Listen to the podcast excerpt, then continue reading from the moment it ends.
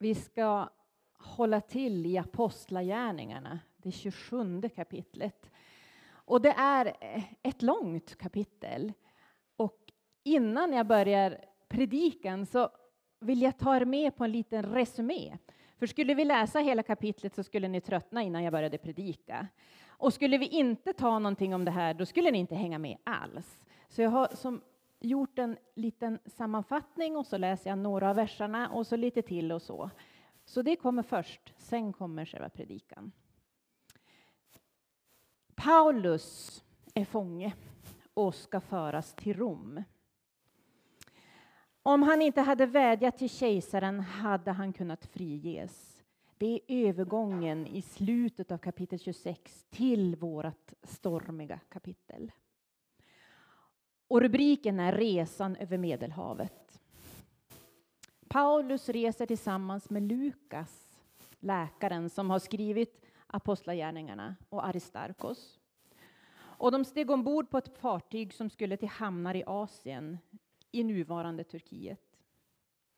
Skeppet gick in i Sidon och Julius, officeren från kejsarbataljonen, han behandlar Paulus väl. Han ser något särskilt hos denne Paulus. Det var motvind. Så kommer man till slut till Myra i Lykien och så byter de fartyg. De hoppar på ett fartyg från Alexandria som skulle till Italien och det går långsamt, de har motvind. Så kommer de till goda hamnarna. Ska jag byta mikrofon? Ja. Det var riskfyllt att segla den här tiden på året. Och Paulus han varnar skeppsrådet och säger nej men hörni, passa er för det här, det här är nog inte så bra. Men officeren han litade mer på skepparens och fartygets ägare. Och platsen de var på just då, den var olämplig som vinterhamn. Så då gör man ett försök att nå Phoenix istället för att övervintra där. Och det blåser upp en sydlig bris och man tänker ja, vi passar på, vi tar den här, nu far vi, nu far vi. Men det dröjer inte något länge innan nordosten, en våldsam storm, svepte in. Man bärgar skeppsbåten i lä av en ö som heter Kauda. Man stagade fartyget, man band trossar runt det som en försiktighetsåtgärd och man vräkte en del av lasten i sjön och det som var löst överbord. Och nu ska jag läsa några av verserna. Jag läser från vers 20. Varken sol eller stjärnor visade sig på flera dygn och stormen låg hårt på. Till slut förlorade vi allt hopp om räddning. Ingen hade nu på länge fått någon mat. Paulus steg då fram bland dem och sa Ni skulle ha lytt mitt råd och inte gett er ut från Kreta så hade ni besparat er dessa strapatser och förluster. Men nu uppmanar jag er att vara vid gott mod. Inga liv ska gå förlorade, bara skeppet.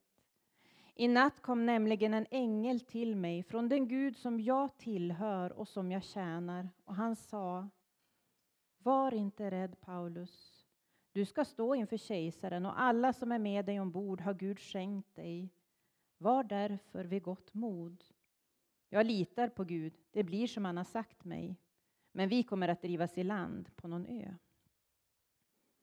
Sjömännen förstod på det fjortonde dygnet att man närmade sig land därför att man mätte djupet och såg att det blev grundare och grundare. Och sjömännen var listiga. De tänkte överge fartyget via skeppsbåten. Då sa Paulus till officeren och soldaterna om inte de där stannar kvar ombord är ni förlorade. Då kapade soldaterna linorna och lät skeppsbåten driva i land. Innan det dagades uppmanade Paulus alla att äta. Nu har ni varit utan mat i 14 dagar och inte fått någon näring. Därför råder jag er att äta. Det behöver ni för att kunna klara er. Ingen av er ska nämligen mista så mycket som ett hårstrå. Sen tog han ett bröd, tackade Gud inför dem alla, bröt det och började äta. Då repade alla mod och intog föda. Allt som allt var vi 276 personer ombord. Spannmålslasten vräktes i sjön. Skeppet gick på ett rev och började brytas loss och soldaterna ville döda fångarna. Men officeren hindrade dem, för han ville rädda Paulus. De simkunniga for i först, resten tog sig i land med plankor och med hjälp av varandra.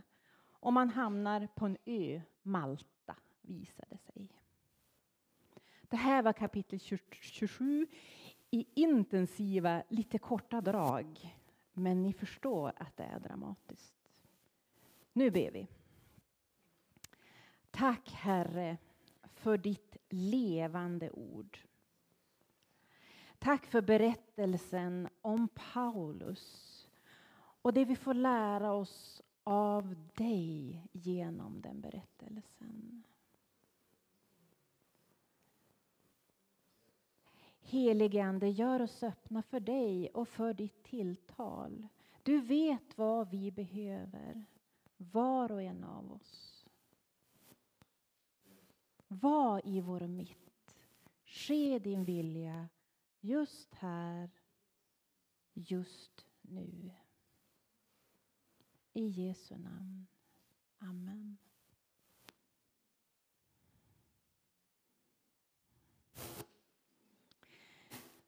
Jag måste ju börja med ett erkännande och nu viftar John åt mig. Det beror på er det. Hur störda blir ni av det där fräset? Eh, nu är det dubbla budskap. Byt. Okej. Okay.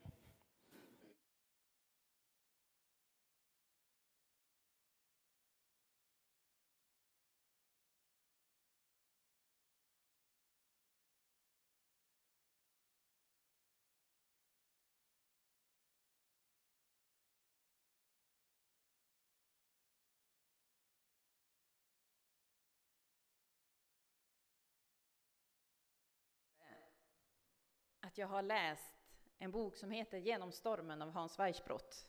Så den rekommenderas för fortsatta studier, för jag har inte tagit med hela boken här, men låtit mig inspireras och använt vissa delar av den. Vi ska börja med att stanna till vid anledningen till att Paulus och alla de andra hamnade i stormen. Paulus hade varnat skeppsrådet, men de valde att inte lyssna. Och vad händer med oss, med dig och mig, när vi inte blir lyssnade till? Det kan vara lätt att resignera. Eller kanske ännu hellre slösa en massa energi genom att vara frustrerad över omständigheter som man faktiskt inte just då rår över.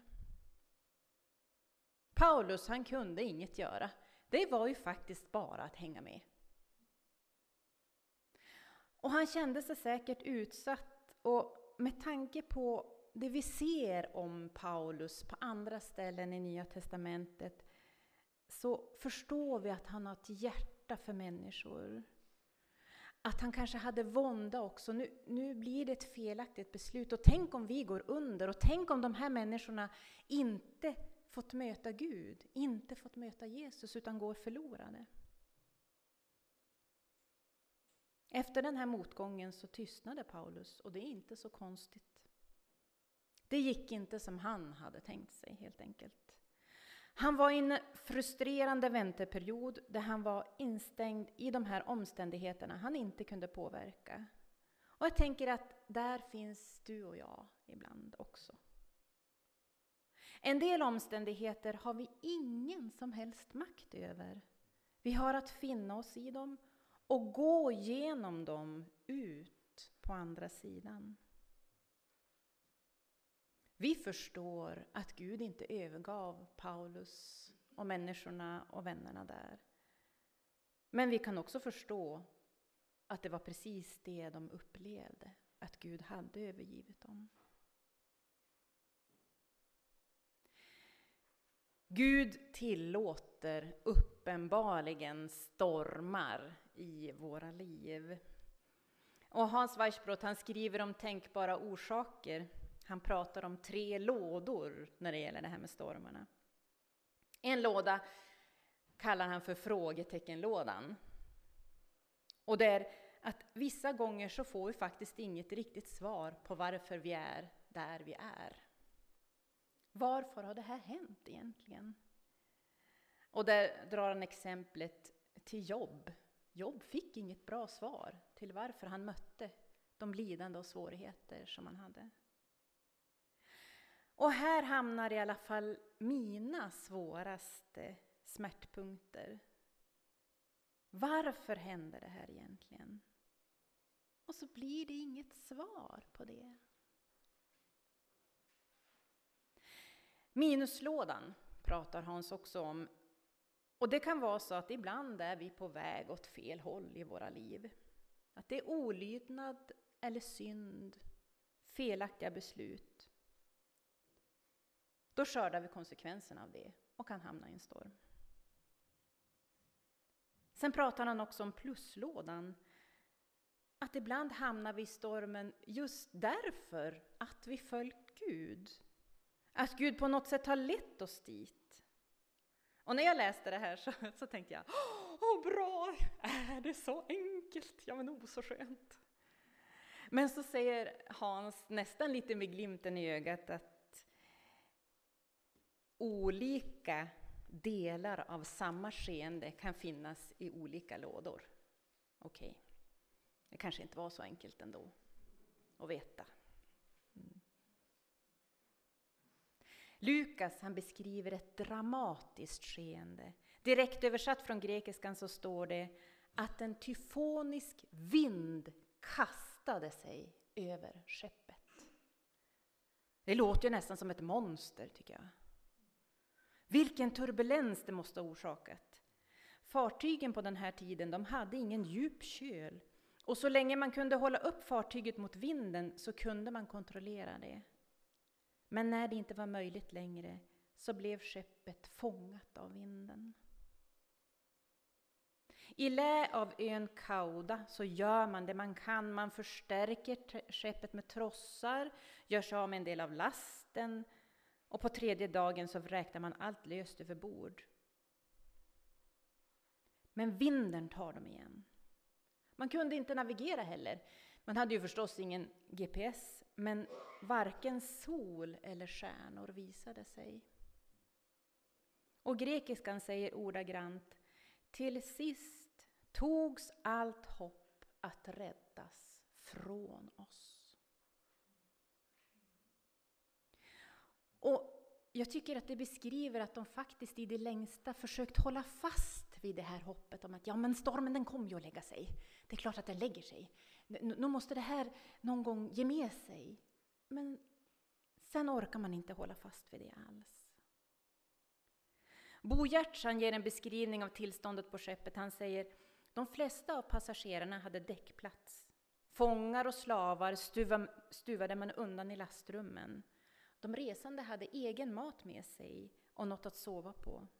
Så däcket var fullstuvat med människor och bagage.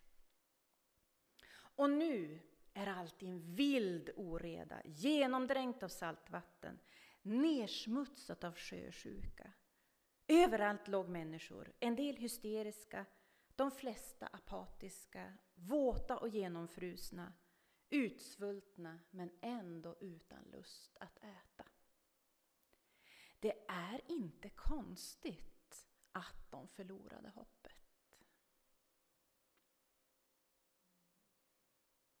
Och tänk att jag, jag är nog lite knäpp, men jag kan bli så tröstad av det här. Därför att för mig handlar det om trovärdighet. Paulus han skriver ärligt och naket i sina brev och läkaren Lukas han håller sig till sanningen här.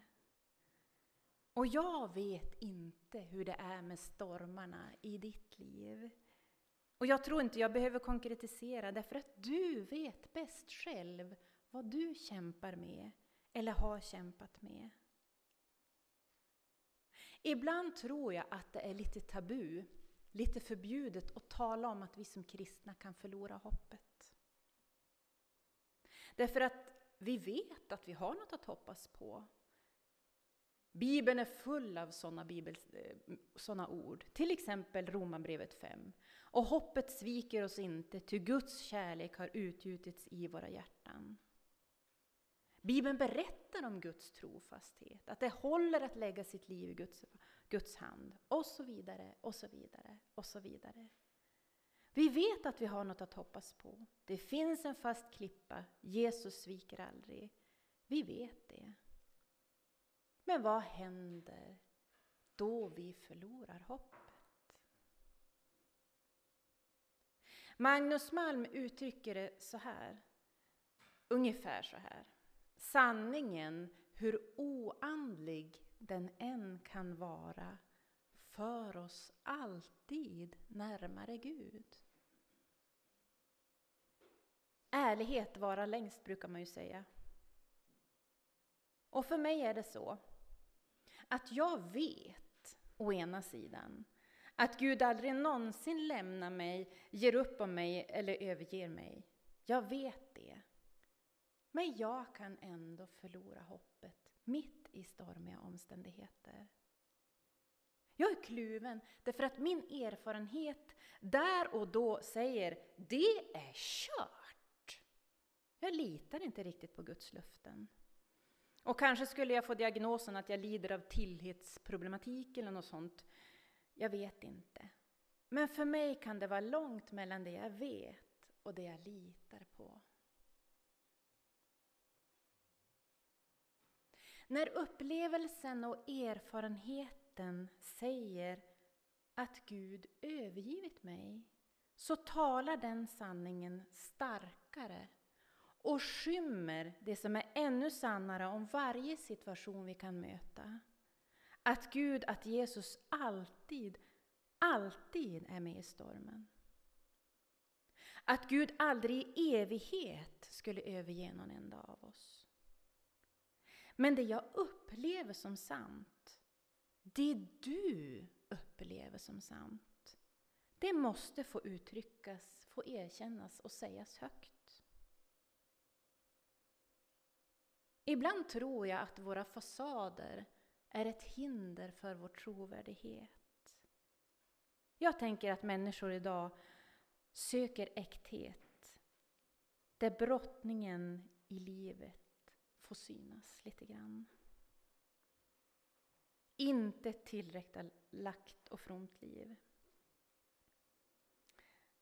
När jag jobbade i Bålänge så hade jag en gång en andakt på RIA. Och där finns det lite tilltufsade människor. Och då berättade jag om den här Jesusstatyn som finns i Vår Fru kyrka i Köpenhamn. Om konstnären där, Torvaldsen, hur han hade gjort en Jesusstaty som sträckte händerna mot skyn och bad för en ond och sargad värld. Men som av en slump kan man tycka så torkade inte statyn som den borde, utan armarna och händerna sjönk ner.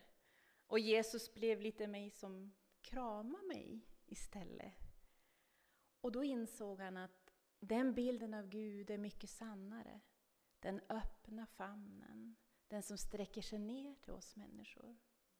Och jag berättade om det på den här andakten och upplevde att här var det ingen respons överhuvudtaget. Ah, ja, tänkte jag, och så satte jag mig ner och skulle fika. Och så är det en av herrarna där och naglar han fast blicken och så säger han Tror du på det där då? Och då delade jag med mig av det som var smärtpunkten i mitt liv just då. Det i familjen som var allra tuffast och sa att ja, mitt i det här, mitt i mina frågor, mitt i mina varför, så litar jag och tror på det här. Och då möttes vi. Att våga visa sin brottning utan att på något sätt grotta ner sig och fastna där, det banar väg till våra hjärtan där vi möts och det gör oss äkta. Och det tilltalar andra, tror jag. Vår tillit till Jesus prövas på olika sätt i våra liv. Men min stora bön och förhoppning för egen del, det är att den här tilliten ska växa och fördjupas. Att de gånger då hopplösheten är en verklighet, en ännu större sanning om vem Gud är, ska bryta igenom. Paulus, han var ärlig. Han romantiserade inte över svaghet, lidande, ångest och nöd. Men han skönmålade heller aldrig verkligheten, utan sa som det var. Ett exempel är ur Andra Korintierbrevet, det första kapitlet där. Då säger han jag vill att ni ska ha klart för er bröder hur svårt vi hade det i Asien. Vi pressades så långt över vår förmåga att vi rent av misströstade om livet. Och i samma brev, men det sjätte kapitlet, så skriver Paulus När jag kom till Makedonien fick jag visserligen in, ingen ro, utan plågades på alla sätt, utifrån av strider och inifrån av fruktan.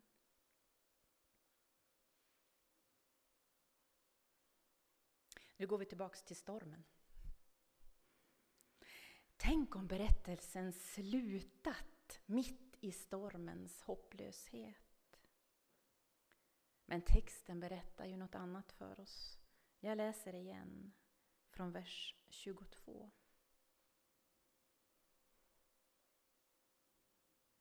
Men nu uppmanar jag er att vara vid gott mod. Inga liv ska gå förlorade, bara skeppet. I natt kom nämligen en ängel till mig från den Gud som jag tillhör och som jag tjänar. Och han sa Var inte rädd, Paulus. Du ska stå inför kejsaren och alla som är med dig ombord har Gud skänkt dig. Var därför vid gott mod.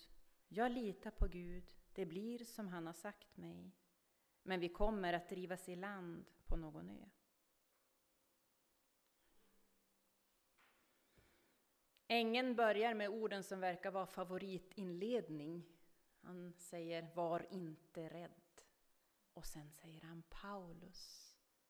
Direkt till Paulus. Var inte rädd, Paulus. Vilken personlig hälsning.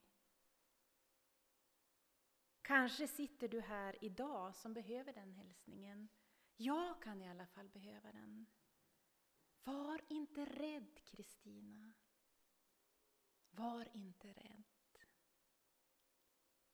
Därefter påminner, påminner ängeln om löftet som Paulus hade fått två år tidigare, att han skulle få vittna om Jesus i Rom, som han gjort i Jerusalem. Men nu var det ännu mer precis. Ängeln säger du ska stå inför kejsaren. Varför upprepa ängeln löftet? Om vi tänker att ängeln inte kom för att småprata om väder och vind, även om just de ämnena var högaktuella, så sa han nog det Paulus behövde höra. Guds löfte hade bleknat för Paulus under stormen. Han behövde bekräftelsen att det fortfarande gällde. Och här finns jag med. Jag tröstas av orden. Paulus behövde påminnas om Guds löften och det behöver jag också ibland. Och kanske är jag inte ensam om det. Så stiger Paulus fram och förmedlar det han har fått ta emot. Hoppet om räddning, men också om Guds omsorg om varenda människa. Alla på skeppet skulle bli räddade oavsett tro och tillhörighet. Och det måste ha berört dem allihop som var där. Paulus tal om räddningen och om löftet från Gud visade att det inte skulle bli utan dramatik och möda. De skulle drivas i land på någon ö. Och det påminde ju om hur Paulus eget liv hade sett ut och som också är så vanligt genom bibelhistorien. Gud hade ju kunnat rädda Paulus och de andra helt utan att de hade behövt genomgå någon efterföljande kamp. Det hade ju inte varit svårt för Gud att skicka någon ängel som hade kunnat knuffade det skeppet i hamn och så var det bra med det. Men så gjorde inte Gud. Paulus förstod att Gud skulle låta fartyget förlisa. Och Hans Weichbrott han menar att det här är ett tecken på att Gud oftast inte räddar människor förbi utan istället genom problemen, genom stormen föran oss. Så på samma gång som Gud av nåd lovade att rädda alla på fartyget så skulle det alltså ske på ett sätt som skulle leda till mycket kamp. Kampen leder till att Paulus och de andra kristna växte ännu mer i sitt lärjungaskap. Och de andra fick fler tydliga tecken på att det var Kristus själv som genom den helige Ande lyste genom Paulus och de andra apostlarna. På samma sätt tror jag att Gud vill leda oss. Och han gör det då som ett tecken på sin obeskrivliga kärlek och nåd. Och mitt i allt det här så tillåter Gud kampen i våra liv. Med avsikt att vi som Jesu lärjungar ska växa i tillit och beroende till honom själv.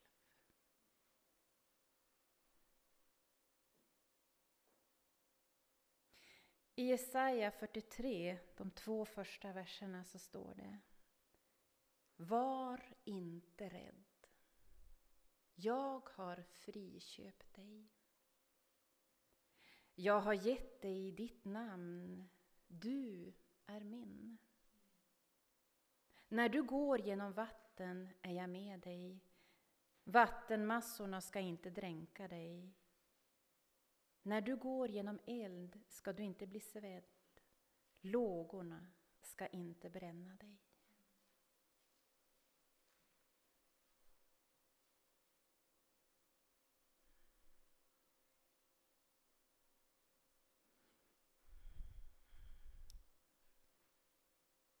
Tack Herre Jesus Kristus. Att du för oss igenom stormarna i våra liv.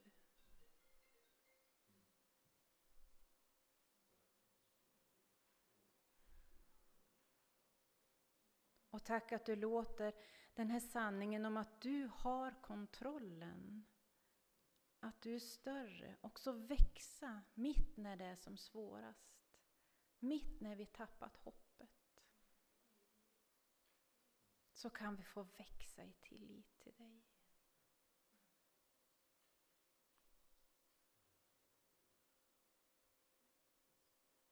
Tack att det håller att lägga sitt liv i din hand. Och att vi aldrig kan trilla ur den handen. Oavsett vad vi möter.